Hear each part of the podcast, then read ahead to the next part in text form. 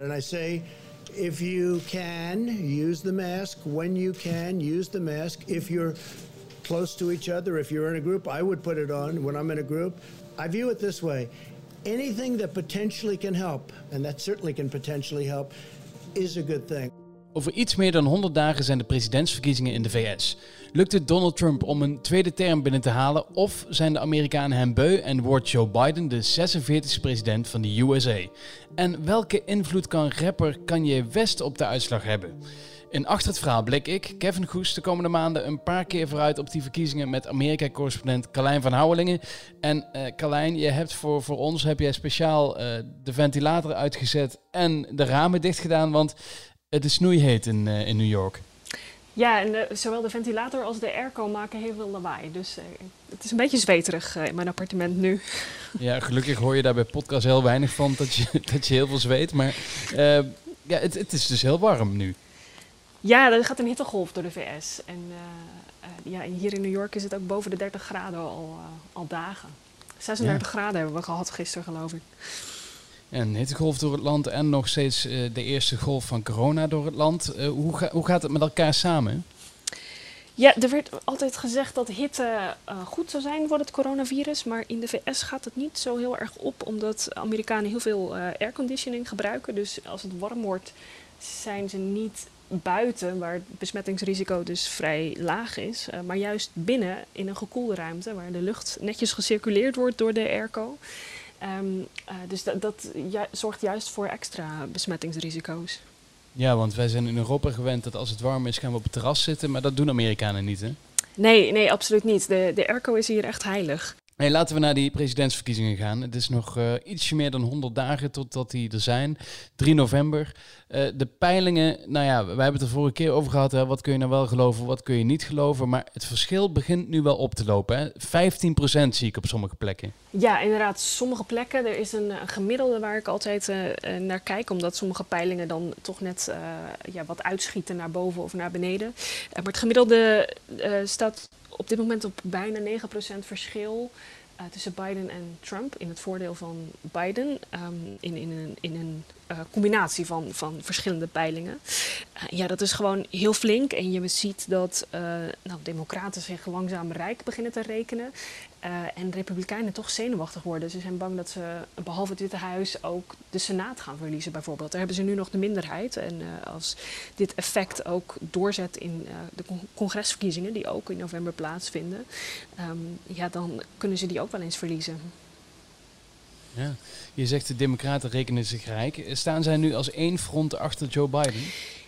Ja, dat is met veel moeite tot stand gekomen, maar er wordt eigenlijk weinig meer openlijk gehakketakt over uh, welke koers de Democratische Partij moet varen. Joe Biden en Bernie Sanders hebben samen uh, een plan opgesteld om uh, um, ja, ook die, die progressieve vleugel die aanvankelijk in de voorverkiezingen door Bernie Sanders werd vertegenwoordigd, toch ook nu erbij te trekken.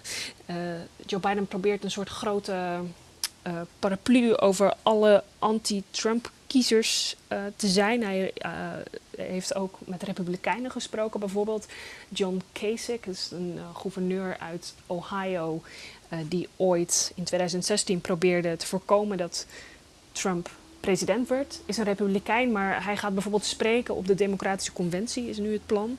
Uh, dus Joe Biden probeert ja, allerlei mensen uh, te betrekken bij zijn campagne. Ja. En toch, wat ik dan hier meekrijg vanuit Nederland, Joe Biden hoor ik bijna niet. Is dat in Amerika anders? Nee, nee, Joe Biden is de grote afwezige. Um, en ik denk, nou, dat heeft deels met, met het coronavirus te maken. Hij houdt zich netjes aan de richtlijnen uh, om geen grote bijeenkomsten te organiseren. Uh, maar het is ook gewoon strategie. Uh, zijn team ziet ook dat Trump zich eigenlijk de afgelopen weken zelf verder ingegraven heeft. Dat hij zijn, nou, meer of meer zijn eigen graf gegraven heeft met, met uitspraken over het coronavirus, over protesten uh, die of niet waar waren of die juist uh, de boel uh, verder op scherp zetten. Um, en ja, die absoluut niet help, hielpen om Amerika door die crisis te loodsen. en, en Joe Biden laat het gebeuren en, en hoopt en ja, merkt ook dat Trump zelf verantwoordelijk is voor het verlies van die steun en dat hij daar eigenlijk zelf niet zoveel voor hoeft te doen. Dat Biden daar niet zoveel voor hoeft te doen. Ja, en hij is natuurlijk ook niet de sterkste spreker, hè? Absoluut, dat zal ook meespelen. je ziet dat hij, nou, wordt veel verwezen naar zijn leeftijd. Ehm, hij is wat warriger dan hij in het verleden was. en dat valt um, ja, mensen die zijn campagne volgen natuurlijk op. Dat valt ook kiezers op. Dus ja, het lijkt, het is natuurlijk um, uh, ja, toch een, klein beetje verdacht in die zin. Um, uh, dat, we, dat het wel opvalt dat we Biden zo weinig horen. Dus het lijkt alsof hij ook een beetje uit de wind gehouden wordt, inderdaad. Nu hadden we het vorige maand al een beetje over uh, wie er nou naast hem kwam te staan. Toen hebben we een aantal namen genoemd. Maar er is nog steeds geen running mate bekend. Het is wel laat. Nou, Biden heeft altijd gezegd dat, het, uh, dat hij daar in augustus mee komt. Dus uh, de, ja, dat is ingecalculeerd. We moeten nog even wachten. En het wordt een hele belangrijke keuze, juist nou, om wat we net bespraken, dat Biden ehm, toch opvalt om zijn hoge leeftijd, om, om wat ja, blunders en, en, en warrigheden die de kiezers toch wat minder vertrouwen in hebben, dat hij nou echt um, fit en scherp genoeg is om vier jaar lang president van de VS te zijn. Uh, daar moet een hele sterke um, vicepresidentskandidaat naast staan. Dus dat gaat bepalend zijn voor ja, het beeld dat die campagne uitstraalt. Uh, gaan, gaan kiezers daar echt vertrouwen in hebben? Ja, de Democraten staan dus achter Biden. En je zegt ook al een aantal uh, Republikeinen die zich ook al achter hem geschaard hebben. Uh, hoe is het met de verdeeldheid in die partij? De Republikeinen, is dat nu los zand of staan ze toch nog als een front achter Donald Trump? Nou, dat ligt er een beetje aan hoe je het bekijkt. Als je uh, aan kiezers vraagt die, die republikeins stemmen of ze tevreden zijn met Donald Trump, zeggen ze overwegend ja. Maar dat heeft er ook mee te maken dat um, de mensen die niet blij zijn met Donald Trump, die republikeinse partij meer en meer verlaten. Uh, dus, dus ja, de, de, de, de, de aanhangers van Donald Trump blijven over. En je ziet in de cijfers toch een soort leeglopen. Er kwamen deze week uh, statistieken naar buiten waaruit blijkt dat, dat steeds minder Amerikanen zich republikein noemen. Uh, en, en wat meer Amerikanen noemen zich democraat. Um, dus, dus die partij is dankzij Trump toch echt helemaal van, ja, van, van gedaante veranderd. Ja. Hij is wel al een beetje met, met een eindsprint bezig. Hè? Dat kun je al zien, 100 dagen tot, uh, tot de verkiezingen. En uh, zoals vannacht heeft hij het over mondkapjes. En hij maakt wel een opvallende draai. Ja, zeker. Hij is uh, nou, niet bepaald uh, fan geweest van mondkapjes. Weigerde lang om, om een mondkapje in het openbaar te dragen. Terwijl dat hier wel het advies is uh, van, de, van de medische experts. In Nederland niet, maar in, in het grootste deel van Amerika is het mondkapje heel gebruikelijk. Ik draag hem eigenlijk ook dagelijks. En Trump die, nou, die maakte Joe Biden een beetje belachelijk omdat hij met een mondkapje verscheen en had er zelf nooit een op. Wat ervoor zorgde dat ook onder zijn aanhangers heel veel verzet heerst tegen dat mondkapje en tegen het afstand houden, tegen coronamaatregelen veel wat conservatievere Amerikanen voelen zich aangetast in hun vrijheid. Uh, vrijheid is hier iets wat echt heel belangrijk, ja, ja. ja, heel diep zit en wat dus ook op dat, dat kleine niveau uh, ja, hebben mensen het gevoel dat, dat, dat hun individuele vrijheden aangetast worden. Um, en gisteren um, sprak Trump zich juist wel heel duidelijk uit voor dat mondkapje. hij zei ja, dat is iets. Um, patriotisch om te doen. Dus het lijkt me toch beter dat we dat allemaal doen. En nou zei hij ook, hij ontkende eigenlijk dat hij dat lang, um, dat hij dat lang een beetje tegengewerkt had. Dat hij altijd al uh, mondkapjes had uh, geadviseerd, dat is niet waar. Um, maar de medische experts zijn wel blij dat daar nu eindelijk toch een duidelijke boodschap van het Witte Huis komt. Ik kan me zo voorstellen dat het inmiddels te laat is, want er zijn zoveel tegenstrijdige uh, berichten gekomen uit het Witte Huis dat veel Amerikanen uh, Donald Trump niet meer vertrouwen. Ze zeggen, nou, 60% van de Amerikanen zei onlangs in een peiling dat ze, ja, dat ze geen vertrouwen hebben in wat Trump zegt over het coronavirus. Dat, dat, hij staat er niet goed op natuurlijk. Maar goed, als er nu een aantal mensen in Mississippi en Alabama daardoor een, een mondkapje gaan dragen, dan is dat gewoon al mooi meegenomen, toch? Ja, of je nu nog mensen van gedachten kan doen veranderen daarover, dat is natuurlijk de vraag. Het is een beetje laat, maar um, ja, mensen zien ook hier dat die pandemie maar om zich heen blijft grijpen. Dus inderdaad, wellicht dat het toch wat mensen overtuigt. Nou was dit een draai die niet zo, uh, niet zo heel raar was. Hè? Weet je, je komt met een mondkapje en het wordt aangeraden. En hij heeft eindelijk een keer geluisterd. Een andere die opvallend was afgelopen week was een actie van hem en van zijn dochter om Goya beans aan te gaan prijzen. moet je even uitleggen wat, wat, wat dat is? Ja, Goya is een um, Latijns-Amerikaans merk. Nee, het wordt verkocht in de Verenigde Staten, maar het zijn uh, producten uh, die populair zijn bij Latijn, mensen met een Latijns-Amerikaanse achtergrond. Bonen bijvoorbeeld, kikkererwten, uh, sauzen, dat soort dingen. Dingen die veel gebruikt worden in de keuken uh, van Me uh, Mexicaanse families, Colombiaanse families, uh, Puerto Ricaanse families. het is een heel breed scala aan um, producten. en de CEO van Goya verscheen in het Witte Huis bij Trump en had lovende woorden voor de president. En veel Latino's in de VS waren daar heel boos over. Er werd opgeroepen tot een boycott. Um, Donald Trump is natuurlijk een president die zich heel impopulair heeft gemaakt bij de Spaanstalige gemeenschap door hele nare dingen te zeggen over Mexicanen.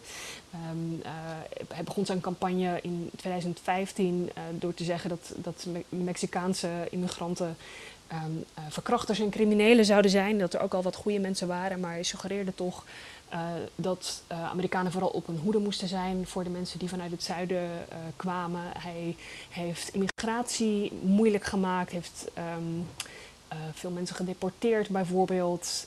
en is dus absoluut omstreden in die Latijns-Amerikaanse gemeenschap. Um, die boycott die viel dan weer verkeerd bij Trump en zijn conservatieve vrienden. Zij zijn vervolgens die bonen juist gaan promoten. Dus het werd een soort, nou, food fight werd het wel, werd het wel genoemd. Uh, uh, een cultuuroorlog over bonen.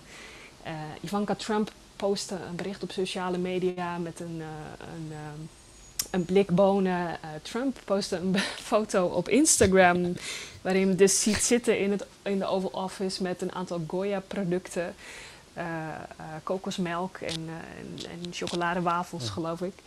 Um, het was ook 2020, Carlijn. Precies. Het is, eigenlijk, nou, het is eigenlijk natuurlijk heel treurig dat het hier over gaat. Het zegt um, iets over, nou, ik zou zeggen, heel knullige pogingen van de campagne van Trump en van Trump zelf om toch um, enige aanspraak te vinden bij die Spaanstalige Amerikanen. Er zijn er heel veel van, steeds mhm. meer ook. In staten als, als Texas bijvoorbeeld is hun politieke macht echt groeiende, omdat zij, er zijn veel jonge mensen met een. Uh, uh, een geschiedenis in, of een, wortels in Latijns-Amerika die daar gaan, uh, gaan stemmen.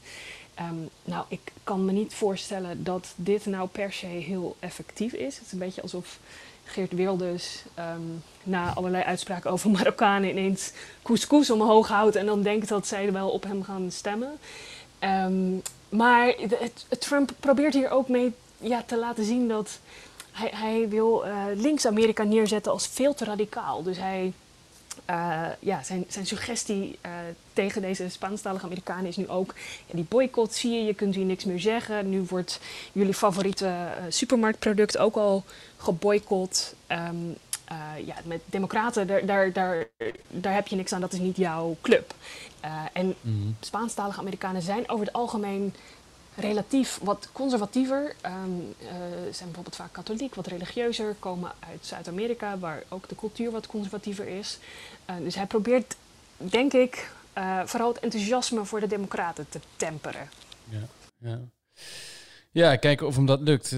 Wat wel grappig is, als je aan de uh, presidentsverkiezingen denkt, dan denk je altijd aan democraten versus republikeinen. En dat is natuurlijk ook uh, in de grote zin des woords is dat zo. Alleen als je een, um, een stembiljet voor je krijgt, dan staan daar veel meer namen op, toch? Klopt, ja. Er staan allerlei namen op die je misschien wel helemaal niet kent. Ehm, van minuscule kleine partijtjes. Um, het ligt een beetje aan in welke staat je gaat stemmen. Sommige Um, onafhankelijke kandidaten uh, zijn er niet in geslaagd om in alle sta staten op het stembiljet te komen. Dus ze, kunnen soms maar in één staat meedoen.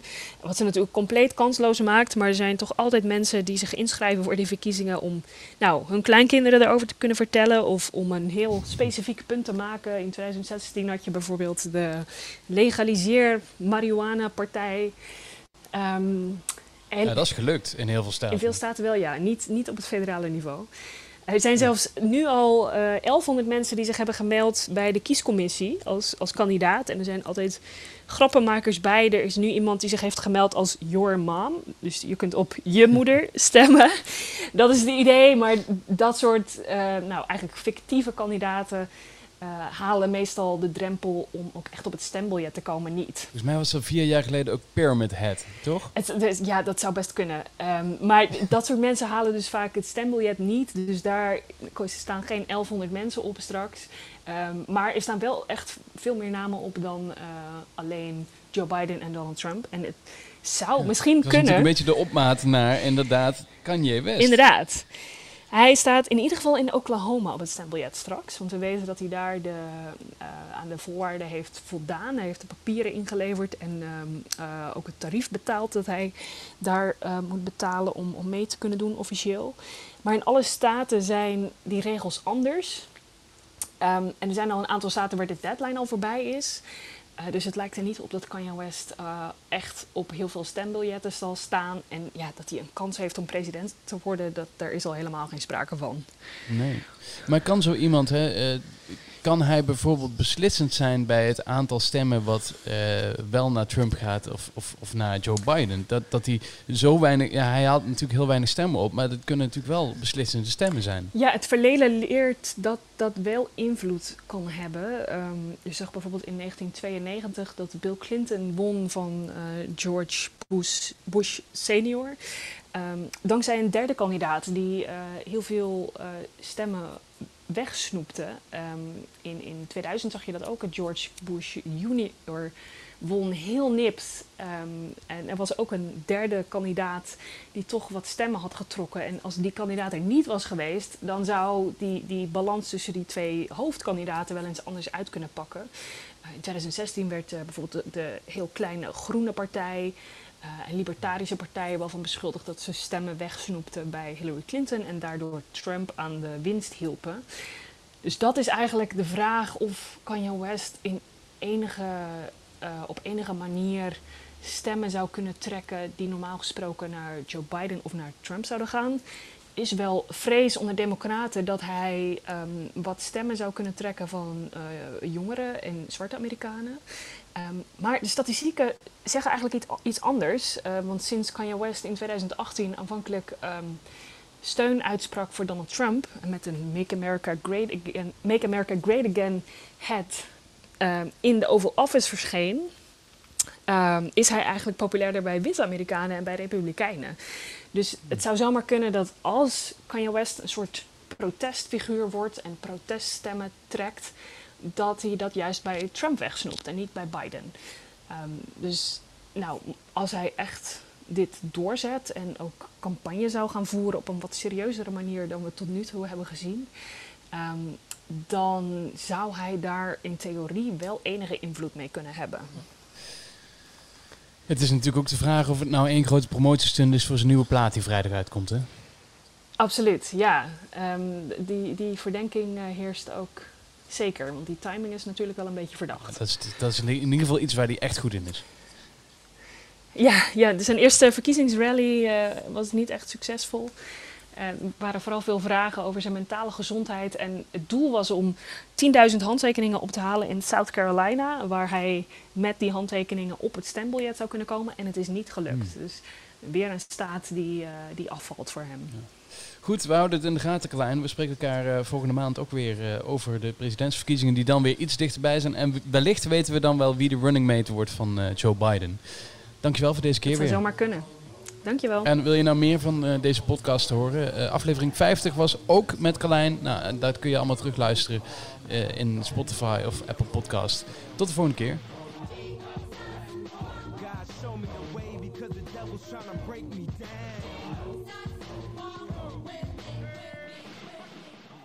Heb je genoten van deze podcast?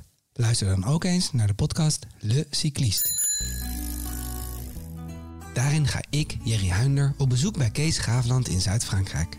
Hij woont aan de voet van de Mont Aigual in de Cevennes. Je weet wel, die berg waar Tim Crabbe zo lyrisch over was in zijn bekroonde boek De Renner. En waar de zesde etappe van de Tour de France dit jaar eindigt. Samen met Kees ga ik op zoek naar de verhalen achter de Mont Aigual Een podcast over extreem weer, vuur, eten, oorlog en een moord. Nu te vinden op ad.nl, Spotify en iTunes.